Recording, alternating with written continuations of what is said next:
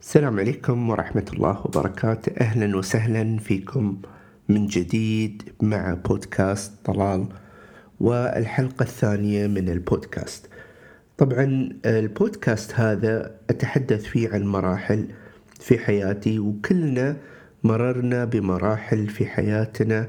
أحيانا كانت صعبة يعني هذه المراحل أحيانا تمر فينا ونشعر بالضيق ونشعر بالألم ونشعر أن الدنيا هذه ما فيها خير مثل ما يقولون الأولين لكن هذه المراحل تأكدوا أن مع الزمن نكتشف أن هذه المراحل هي فعلا المراحل التي تضيف لنا والتي تجعلنا ما نحن عليه الآن. يعني في أحد الكتب يقول آه ويليام جلاسر أنك أنت الآن وين ما أنت بالأشياء اللي تملكها بمعرفتك بكل ما تحمل من إنسانية ومن هم وضيق أو سعادة وفرح ومال نتيجة لقراراتك السابقة. الإنسان كل يوم يقرر آلاف القرارات. يقرر أني يمشي مع فلان أني ينام أني يقرأ كتاب يقرر أني يستمع إلى محاضرة. وهذه القرارات هي التي تشكل حياتنا في نهاية الأمر. فتأتي آه، إلى حياتك وتكتشف أن حياتك عبارة عن محصلة أو نتيجة لكل هذه القرارات. البعض يظن أحيانا أنه يعاني من ظروف معينة وبالتالي هو لا يملك قرارة.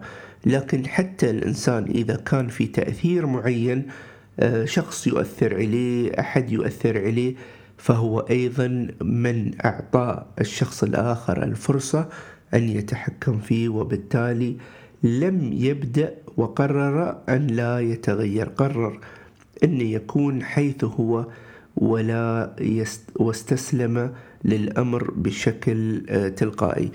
القضية التي نعيشها في في هذا الزمن أن كثرة المعلومات وكثرة المعطيات وكثرة التأثير المحيطي يعني من المحيط حوالينا من أصدقائنا من زملاء العمل من الأقران من الأخوة تؤثر بشكل كبير في قراراتنا. وبالتالي نشعر أن نحن نحاول إرضاء الجميع هذيل اللي يأثرون علينا واللي يحاولون دائما أنهم يجرونا أن نكون نفسهم فإذا كنت أنت أساسا في محيط جيد ستجد نفسك أنك تندفع إلى هذا المحيط. وإذا كنت في محيط سيء سيجرك ويجرفك هذا المحيط أيضا.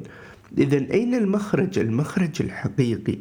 في كل ذلك أن تقود حياتك أن تبدأ بالتخطيط لحياتك أن تقود حياتك تضع أهدافك التي تريدها وتشكل منظومة للقيم عندك وأساسياتك تكون ثابتة. كل ما كانت ثابتة وواضحة هذه الأساسيات تستطيع أن تقود هذا العقل وبالتالي تقود المشاعر باتجاهها بطاقة هائلة.